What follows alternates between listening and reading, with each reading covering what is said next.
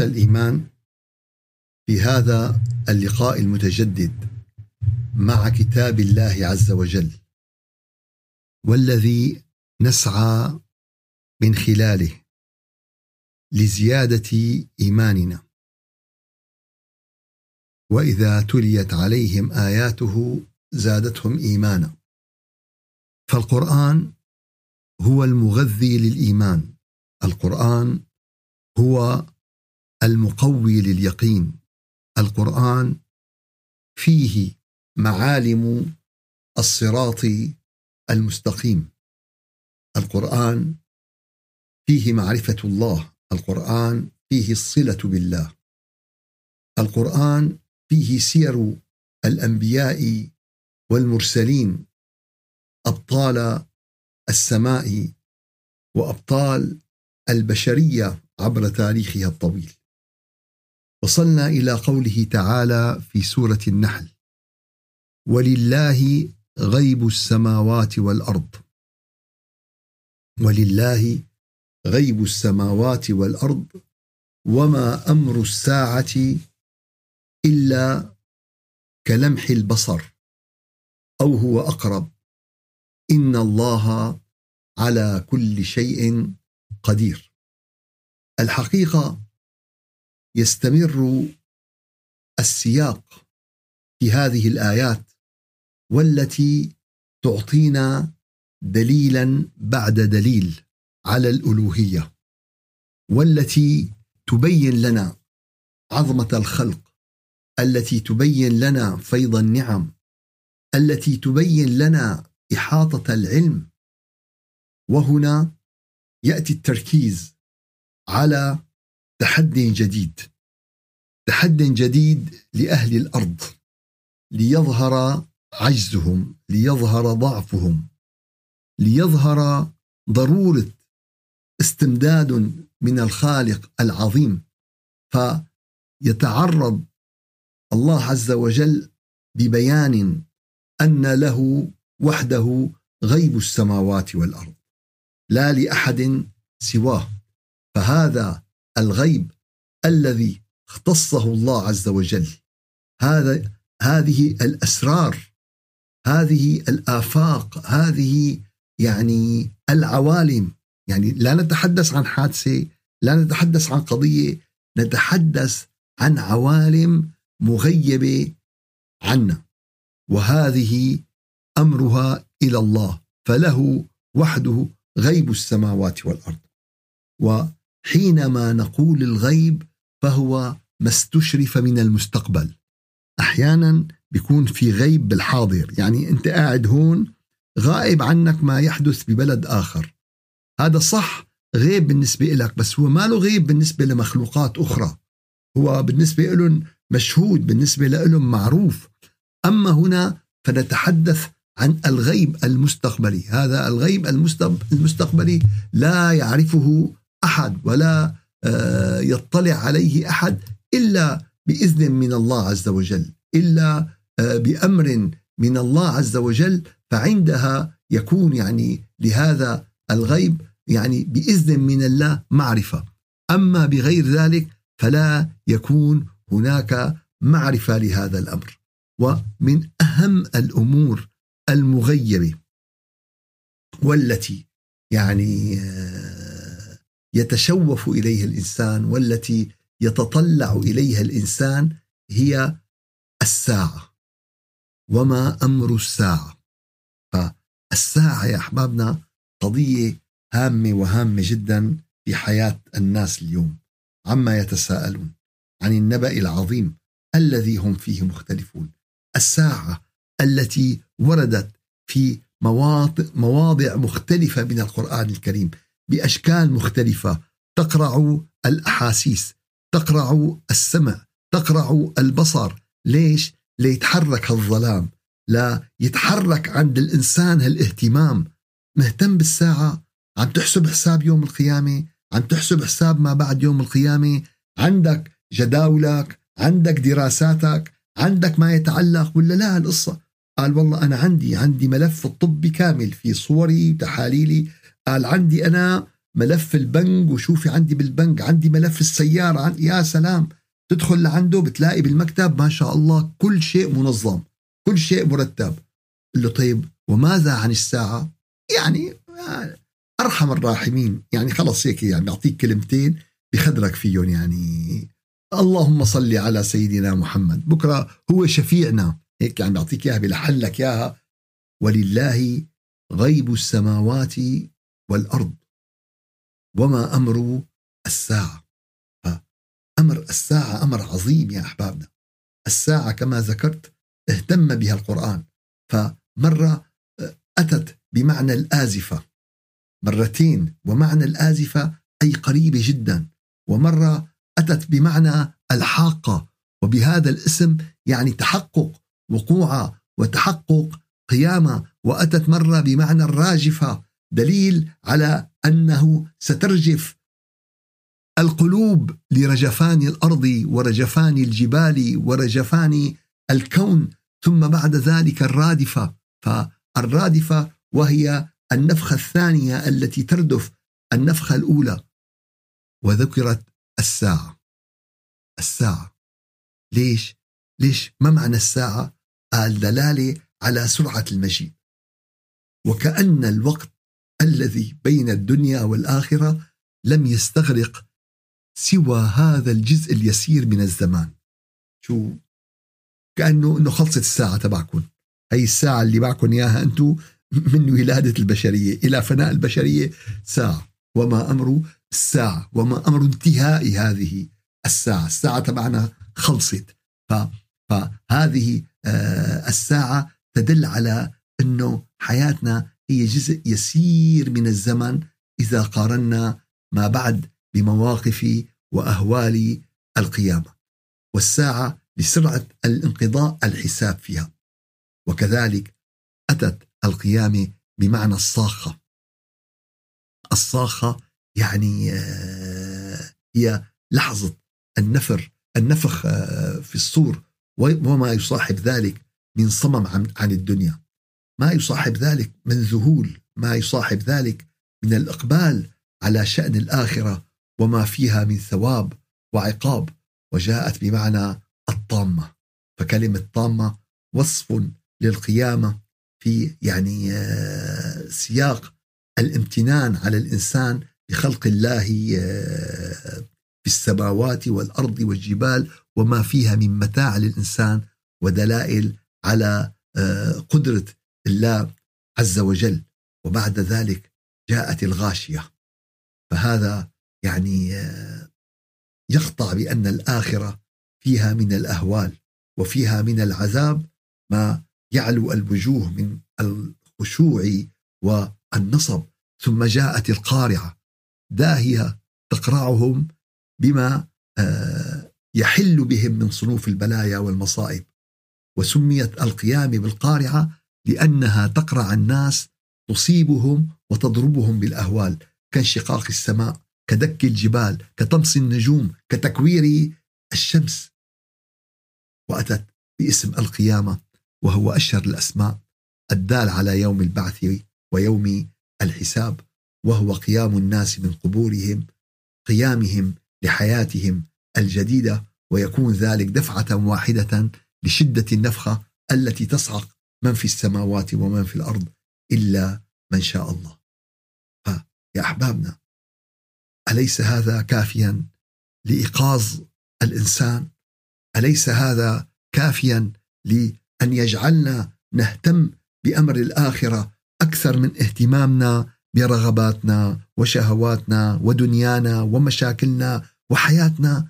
أما آن أما آن الأوان أما آن الأوان لنقف مع أنفسنا فالله عز وجل يا أحبابنا بيقول يا أخي ليش عم بتخوفنا أنت؟ لا والله يا أحبابنا والله هذا متخويف والله هذا إيقاظ والله هذا تنبيه ولله غيب السماوات والأرض وما أمر الساعة إلا كلمح البصر. قال شو؟ شلون تجي الساعة؟ قال هلأ بيقول لك والقيامة آه آه لا يعلمها إلا الله. قال وقت بتجي كلمح البصر. شو يعني كلمح البصر؟ آه غمضة عين لمحة عين. قال أو هو أقرب. الله أكبر. قال أقرب من لمح إيش؟ أقرب من لمح البصر. فعندها يا أحبابنا سينتهي كل شيء. ستنتهي المؤامرة الكبرى والمؤامرة العظمى والقضاء على التترباع البشرية. وما بعرف إيش وما بعرف إيه. ستنتهي الحروب سينتهي سينتهي الإنسان من هذا العبث. سينتهي الإنسان من هذا التخلف الحضاري. نعم نحن اليوم بحالة تخلف حضاري. تقدمت الآلة الآلة كنا نركب على الدابة كنا نركب على الحمار صار الحمار تسلا اليوم. صار الحمار مرسيدس صار الحمار بي إم صار الحمار طيارة. صار الجمل طيارة صار الحصان طيارة. كنا نركب على هل, هل شو اسمه؟ أما الإنسان فما زال يتخلف. ليش؟ لأنه خرج عن طريق الإيمان. كل ما خرج الإنسان عن الصراط المستقيم كلما تاه في دركات التخلف. ونكاد نرى من التخلف اليوم ما لا ما لا يمكن تحمله. يعني الشيء اللي عم بيعد يا أحبابنا والشيء اللي عم بيظهر والشيء اللي جاي لا يمكن أن يتحمل الإنسان بأبسط يعني قيم العقل. بأبسط قيم الأخلاق بأبسط قيم العلم بأبسط قيم المنطق الحقيقة. فلذلك ستأتي القيامة وسيصل الإنسان بمرحلة في هذه الحياة الدنيا إلا يبصم بالعشرة إلا لابد من قيام القيامة لابد من قيام القيامة لما نشر في الفساد في هذه الأرض ولما نشر من الظلم ومن الجور في هذا الكوكب. فالله عز وجل له غيب السماوات والأرض ولا أحد ولا أحد يعلم يوم القيامة. لا ملك ولا رسول ولا أحد يعلم يوم القيامة. وفي هذا رحمة من الله عز وجل لتسيير الحياة لتسيير الحياة. وما أمر الساعة إلا كلمح البصر أو هو أقرب. طبعا يا أحبابنا هذا الكلام إذا كان فيما يخص يوم القيامة. ولكن كما ذكرنا دائما أن يعني آه، القيامة هي قيامتين قيامة البشر كلهم قال والقيامة الخاصة فيني والقيامة الخاصة فيك فهذه القيامة يا أحبابنا كل يوم عم بتقوم كل يوم عم بتصير كل يوم عم تتجدد وأمر هذه القيامة وأمر هذه الساعة حينما تحين ساعتك أو تحين ساعتي أو. كلمح البصر. شو؟ كلمح البصر. وكم وكم يا أحبابنا؟ وكم من القصص؟ كم من القصص؟ كم واحد طلع من شغله ما وصل على إيش؟ على بيته. كم واحد ضب شراتيه ليسافر وسافر لقرن ثاني سافر للآخرة قبل ما وقطع البطاقات وقطع البطاقات سافر للآخرة قبل ما يسافر بالدنيا. كم وكم وكم يا أحبابنا؟ ليش قال يعني لأن أمر الساعة إن كان الساعة الكبرى أو الساعة الصغرى يعني بين الكاف والنون بين كن فيكون ومن آه، حكمة الله عز وجل أن هذا الإنسان الشديد العتيد القوي الجبار المتكبر حياته متوقفة على أسباب تافهة تافهة شو حياته؟ شو حياته؟ أعظم إنسان أكبر ملياردير أكبر ديكتاتور. أكبر وأكبر وأكبر وأكبر. شو حياته عند الله عز وجل؟ نقطة دم نقطة دم بشريان بالدماغ. شو بيقول لك؟ مات. نقطة دم تتجمد سكتة دماغية. والله شو انفجار بالدماغ. والله شو كذا. والله شو كذا. والله. بالقلب نقطة دم تتخسر آه، بالقلب. بيضطرب القلب وبيموت الإنسان. وما أمر الساعة إلا كلمح كلمح البصر. فهذا يا أحبابنا هذا درس بليغ والله درس بليغ. والله درس بليغ لكل واحد فينا. والله يعني يعني بيننا وبين الموت شعرة بيننا وبين الموت ثاني.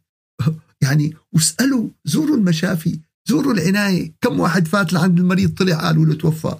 كم واحد فات قالوا له قبل شوي.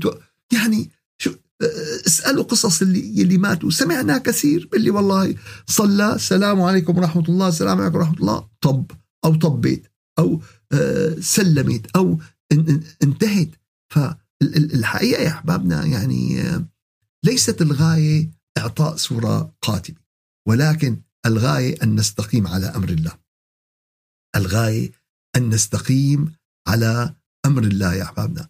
الغاية أن نحافظ على صلتنا بالله. الغاية ألا نغيب يعني عمن بيده غيب السماوات والأرض. فاللي بإيده غيب السماوات والأرض فهو المرتجى وهو المعبود وهو المطلوب وهو المرغوب وهو المحبوب. فشو معناتها يا أحبابنا؟ قال طالما هيك قال فاعبد. من بيده الآزفة ومن بيده آه القارعة ومن بيده الواقعة ومن بيده الساعة ومن بيده القيامة أزفت الآزفة. أزفت الآزفة. إيه؟ ليس لها من دون الله كاشفة. ليس لها من دون الله كاشفة. لذلك ارتبط بالله عز وجل. لذلك كن مع الله عز وجل فلولا إذا بلغت الحلقوم وأنتم حينئذ تنظرون ونحن أقرب إليه منكم ولكن لا تبصرون. فلولا إن كنتم غير مدينين ترجعونها إن كنتم صادقين. رجعوا للروح وين مراكز البحث؟ وين مراكز العلوم؟ وين آه، موسوعات الإنسان؟ وين قدرة يا جماعة ما نضحك على بعضنا. بيجيبوا لي شوية تسالي بيجيبوا لي شوية بيقول لك نحن ونحن ونحن ونحن. وين نحن؟ وين أنتم وين وين الدنيا وين اهلها يا أحبابنا؟ اليوم الإنسان غافل يا أحبابنا. اليوم الإنسان آه، متعجرف آه، متكبر. اليوم الإنسان بعيد عن هذا المنحى. شوفوا رب العالمين كان يعني ينهي كل هالقصص هي تبع فلان راح وفلان رجع وفلان كذا وفلان خاطب. كان لنا كلكم ميتون. كان لنا كلكم لا. قال له إنك ميتون. نعم أنت يا محمد عليك صلوات الله وسلامه أنت يا سيد الخلق والبشر أنت يا خاتم الأب إنك ميت وإنهم ميتون. يعني انظر إلي بعقلك. أنا المهيأ لنقلك. أنا سرير المنايا كم سار مثلي بمثلك. فقديش يا أحبابنا؟ وكأن يعني آه الذين ماتوا سفر عما قليل إلينا راجعون. كأنه عم ندعون راجعين بعد شوي. لا يا أحبابنا لا يا أحبابنا. فالحقيقة ولله غيب السماوات والأرض وما أمر الساعة إلا كلمح البصر أو هو أقرب أو هو أقرب. قال ما رفعت قدمي ووضعتها إلا رأيت الموت أقرب إلي منها. فلا تأجل التوبة. لا تمتد بالمعصية. لا تمتد بالغفلة. لا تأجل العمل الصالح. قال أنا بدي توب توب هالليلة. قال أنا بدي أذكر قال بلش ذكر من اليوم. قال أنا بدي أتصالح مع القرآن. قال بلش بالمصالحة مع القرآن من بعد الدرس. قال أنا بدي أتصالح مع رب. قال يلا توضى واسجد ركعتين. من آه، أحدث ولم يتوضأ فقد جفاني. قد جفى الله عز وجل. ومن توضأ ولم يصلي فقد جفاني. ومن صلى ولم يدعني فقد جفاني. ومن دعاني ولم أستجب له. فقد جفوته. ولست برب جاف. ولست برب جاف. ولست برب جاف. شو معناتها؟ قال يعني إذا أحدثت فتوضأت فصليت فدعوت أجاب الله دعاءك. فمعلش روح توضأ صلي ركعتين. لله تعالى ركعتين توبة مغفرة. لعل الله عز وجل يا أحبابنا يأخذ بأيدينا. لعل الله عز وجل يأخذ بأيدينا إلى إلى ما فيه محبته إلى ما فيه رضاه إلى ما فيه طاعته إلى ما فيه الصراط المستقيم. هذا الصراط الذي سيبدأ في الدنيا وينتهي بالجنة. هذا الصراط المستقيم. في ناس محسبة بس الصراط المستقيم هو بالآخرة. لا يا أحبابنا. الصراط المستقيم في الدنيا. الصراط المستقيم في الدنيا. وإذا ما سرنا عليه في الدنيا وما مشينا عليه في الدنيا فلن آه، ننجح في السير عليه في الآخرة. ولله غيب السماوات والأرض. وما أمر الساعة إلا كلمح البصر. أو هو أو هو أقرب. فالواقع آه، يا أحبابنا يعني ما بين طرفة عين وانتباهتها يغير الله من حال إلى حال. صح أنا لكم والله المؤامرات كثيرة وكثيرة كثير والبلاوي كثيرة وكثيرة كثير و و و ولكن بلحظة كلها ستنتهي بالساعة. وما أمر الساعة إلا كلمح للبصر أو هو أقرب. ففيك تتخيل مدى قرب هذا الزمان؟ فيك؟ فتتلاشى المستحيلات يا أحبابنا. تتلاشى المستحيلات وتتوقف المصائب وتتوقف البلايا عندما تقرأ وتؤمن وتوقن إن الله على كل شيء قدير. قال مين اللي عم بيقول الكلام مين اللي عم بيقول أن له غيب السماوات والأرض؟ مين عم بيقول أمر الساعة كلمح البصر أو هو أقرب قال اللي عم بيقول إن هو الله الذي هو على كل شيء قدير. فلذلك ختمت هذه الآية يا أحبابنا. ختمت إن الله على كل شيء قدير. تتلاشى المستحيلات هنا يا أحبابنا. وتقرأ وتوقن وتؤمن. فإذا ضاقت عليك الأرض بما رحبت يأتيك من الله اليسر. وما أمرنا إلا واحدة. كلمح للبصر. سيأتي آه سيأتي آه الأمر من الله عز وجل. وسيأتي الفرج من الله عز وجل وعامل الزمن مع المؤمن. قد ما استطال الجور قد ما استطال الظلم عامل الزمن مع المؤمن. فالأقدار الله عز وجل عم ببين إياها. والنهاية رب العالمين عم ببين إياها. كل الملتيين. شو أخي؟ من علامات الساعة؟ شو صار؟ آه، بمكة بيض سلت له. هون نزل مطر هون نزل ثلج هون يا جماعة. لما قال له للنبي عليه الصلاة والسلام قال له يا رسول الله متى الساعة؟ قال له وماذا أعددت لها؟ هذا المهم. المهم شو أعددت لها؟ شو أعددت أنا لساعتي الخاصة أو ليوم القيامة؟ شو أعددت؟ شو أعددت؟ شو أعددتي أنت يا أختي؟ همك الساعة والقيامة ولا همك المشاكل والأمور اللي ما قيمة؟ شو همك بهالحياة؟ معلش يا أحبابنا كل واحد فينا يحط اهتماماته. بصدق بينه وبين عود بغرفتك سكر على حالك الباب. قال أخي أنا شو اهتماماتي؟ واحد شلون غير البيت؟ اثنين شلون كبر سيارتي؟ ثلاثة شلون جوز ابني؟ أربعة شلون كذا؟ خمسة ستة سبعة. معلش بصدق بينك وبين نفسك. هل ستكون الساعة على سلم اهتماماتك؟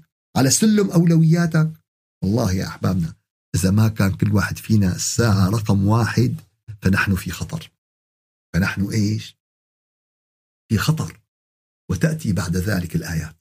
ولله غيب السماوات والأرض وما أمر الساعة إلا كلمح البصر أو هو أقرب.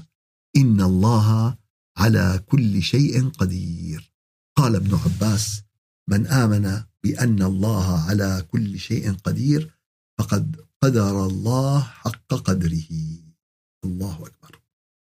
فشو أثر هالإيمان يا أحبابنا؟ في قلبك في جوارحك في عملك. شو أثره؟ شو أثره يوم أنت عم تقرأ؟ يا أخي في ناس بيقول لك حاجة خرافات حاجة مين بده يعمل؟ مين بده يغير الشمس؟ ومين بده يزلزل الأرض؟ ومين بده يعمل؟ إن الله على كل شيء قدير. هذا الذي خلق وهذا الذي برأ فلذلك يا أحبابنا الله يأتي بالبرهان تلو البرهان على قدرته. وتأتي الآية 78 في نفس هذا السياق وفي نفس هذه الدلالة والله أخرجكم من بطون أمهاتكم. فكرنا بهالخروج هذا يا أحبابنا؟ فكرنا ولا عادية؟ عادية عادي بيجي الولد بيولد. كيف بيولد الولد؟ والله يا أحبابنا يعني خروج الإنسان من بطن أمه وخروج الحصان من بطن أمه وخروج الفيل من بطن أمه وخروج الحوت من بطن أمه. كل عملية ولادة هي معجزة من المعجزات. هي معجزة من المعجزات بكل المعايير. إذا إذا جبت إنسان خارج الصندوق أو مخلوق خارج الصندوق فرجيته الصورة الشعاعية كيف الولد مقلوب لفوق ومن وين بده يخرج؟ بيقول لك مستحيل هذا بده يموت بهالمكان هذا. يعني هذا كيف عاش؟ عاش أما بده يموت. ما ما حيستطيع. هو دخل هالمكان آه، بويضة ملقحة بويضة ملقحة صغيرة وصغيرة جدا. كيف بده يطلع هلأ؟ مخلوق وزنه أربعة خمسة كيلو إيدين وراس ورجلين. شو؟ قال مين؟ قال الله. الله هو اللي أخرجنا من بطون أمهاتنا. هو اللي أخرجنا وتمنن علينا. متى ما اجى الأمر الإلهي متى ما اجى الأمر الإلهي تقلب الأمور راسا على عقب وبصير شو اسمه وهذا الطريق الضيق اللي ما بينفتح الطريق هذا ويخرج منه. والله أخرجكم. يا رب يا رب لك الحمد. يا رب لك الحمد أن أخرجتنا من بطون أمهاتنا. وكما أخرجتنا من بطون أمهاتنا فيا رب أخرجنا من كل ضيق. أخرجنا من كل ضيق. أحسن خلاص المسجونين. أحسن. خلاص الذين سجنت أرواحهم في المعاصي الذين سجنت أرواحهم في متاهات الدنيا ومتاهات الشهوات ومتاهات آه، الضياع. فالله هو الذي أخرجك من بطن أمك وهو قادر على أن يخرجك من كل وضع أنت فيه. ولكن تخرج بالله تخرج مستعينا بالله تخرج آه، مستقويا بالله تخرج طالبا رضاء الله ورضوان ورضوان الله عز وجل. فهكذا يا أحبابنا هكذا. الله أخرجنا من بطون أمهاتنا. والله أخرجكم من بطون أمهاتكم لا تعلمون شيئا. قال الطفل يأتي لا يعلم إلا كيف يأخذ الحليب من أمه فقط. هيدي المنعكس الوحيد اللي عنده هو منعكس الامتصاص. كيف يمتص؟ الحليب من الأم. فقط وإذا كان الولد ما بيعرف هالقصة خلصت حياته. وطبعا أول ما بينزل أول ما بينزل المائدة جاهزة. سائل خاص له طبعا نحن عم نسميه حليب ولكن هو الحقيقة سائل خاص بالطفل. سائل خاص بالطفل يتطور مع تطور عمره يتطور مع تطور أيامه يتطور مع تطور بنيته. يعطيه المناعة يعطيه القوة يعطيه الفيتامينات ويعطيه المعادن ويعطيه الغذاء. شو هذا يا أحبابنا؟ ما بتنزل من بطن أمك؟ هيأ لك دغري الوليمة اللي بدها بدك تحيا عليها وتتغذى عليها وتقوم عليها. والله أخرجكم من بطون أمهاتكم لا تعلمون شيئا. فغير حيوانات يا أحبابنا مبرمجة مسبقا. فيها برامج جاهزة وتمشي على هذه البرامج في حياتها أما الإنسان فلا يعلم شيئا. ولكن أعطاه الله عز وجل القدرة على العلم. أعطاه القدرة على التعلم. أعطاه القدرة فمثل ما بيجيك الكمبيوتر. هلا الغسالة الغسالة تجيك فيها كمبيوتر جاهز. فيها كمبيوتر تخصصي. بيتحرك يمين وشمال وبيطفي وبيشعل وبيفضي المي وبيعبي المي. مبرمج مسبقا. بينما يوم بتجيب الكمبيوتر المحمول مفرمت ما في أي معلومات. أنت بقى بتشغله محاسبة أنت بتشغله مراقبة أنت بتشغله شو ما بدك هذا شيء يرجع لك فهذا الفرق بين الإنسان وبين الحيوان يا أحبابنا. الإنسان أعطي القدرة على التعلم. لذلك حينما كانت المشهد الأول من حياة الإنسان وعلم آدم الأسماء كلها ثم عرضهم على الملائكة. طبعا لما الملائكة ابدوا نوع من الرأي قالوا أتجعل فيها من يفسد فيها ويسفك الدماء ونحن نسبح بحمدك ونقدس لك. قال إني أعلم ما لا تعلمون وعلم آدم الأسماء كلها. فمره أحد العلماء سألني قال لي طيب يعني يعني كيف رب العالمين علم آدم وأعطاه وكذا؟ كيف قال له إن الملائكة انبئوني بأسماء؟ يعني ما في توازن. جبت اثنين واحد أعطيته علمته الإجابات وعلمته الأسئلة وواحد ما بيعرف شيء وحطيته بقاعة وحدة. إيه ما في تكافؤ فرص بهالقضية. لا يا أخي ما هذا المقصود؟ المقصود أن الله عز وجل قد علم الإنسان فتعلم. قد علم الإنسان فتعلم. وهذا الإنسان الذي أعطاه الله عز وجل ميدانين واسعين للعلم ميدان اقرأ باسم ربك الذي خلق وميدان القلم والقراءة والعلم هذا الإنسان سيصنع الناطحات السحاب وسيصنع الكمبيوترات وسيخرج كذلك من هؤلاء سيخرج أبطال السماء والأرض سيخرج الأنبياء والمرسلين والأولياء والصالحين والصديقين. إني أعلم ما لا تعلمون. والله أخرجكم من بطون أمهاتكم لا تعلمون شيئا. الأساس ما بتعرف شيء. صفحة بيضاء صفحة بيضاء يا بتكتب بهالصفحة هي فبيكون محمد ابن عبد الله يا بتكتب بهالصفحة هي فبيكون أبو لهب أو أبو جهل وهكذا كل طفل وهكذا كل مخلوق وهكذا كل مولود يولد على الفطرة. وجعل لكم السمع والأبصار والأفئدة لعلكم تشكرون. إن شاء الله بيكون لنا فيها موقف بالأسبوع القادم.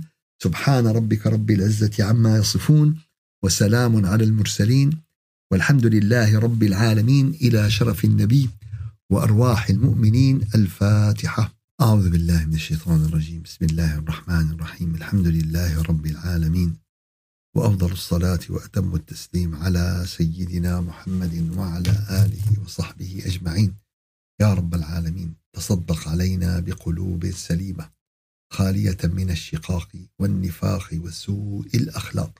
يا رب العالمين تصدق علينا بقلوب ذاكرة بقلوب عاشقة بفضلك وجودك ورحمتك يا أرحم الراحمين. يا من هو على كل شيء قدير وبالإجابة جدير. أعنا على ذكرك أعنا على شكرك أعنا على حسن عبادتك. وارزقنا حبك وحب من يحبك وحب عمل يقربنا إلى حبك. يا رب يا من أخرجتنا من بطون أمهاتنا لا نعلم شيئا. علمنا ما ينفعنا. وانفعنا بما علمتنا. وزدنا علما وعملا متقبلا بفضلك وجودك ورحمتك يا أرحم الراحمين. وارحمنا فوق الأرض وارحمنا تحت الأرض وارحمنا يوم العرض. وارحمنا إذا علق الجبين وفارقنا الأحباب وورينا التراب. يا رب ارحمنا رحمة عامة شاملة بفضلك وجودك ورحمتك والحمد لله رب العالمين. الفاتحة.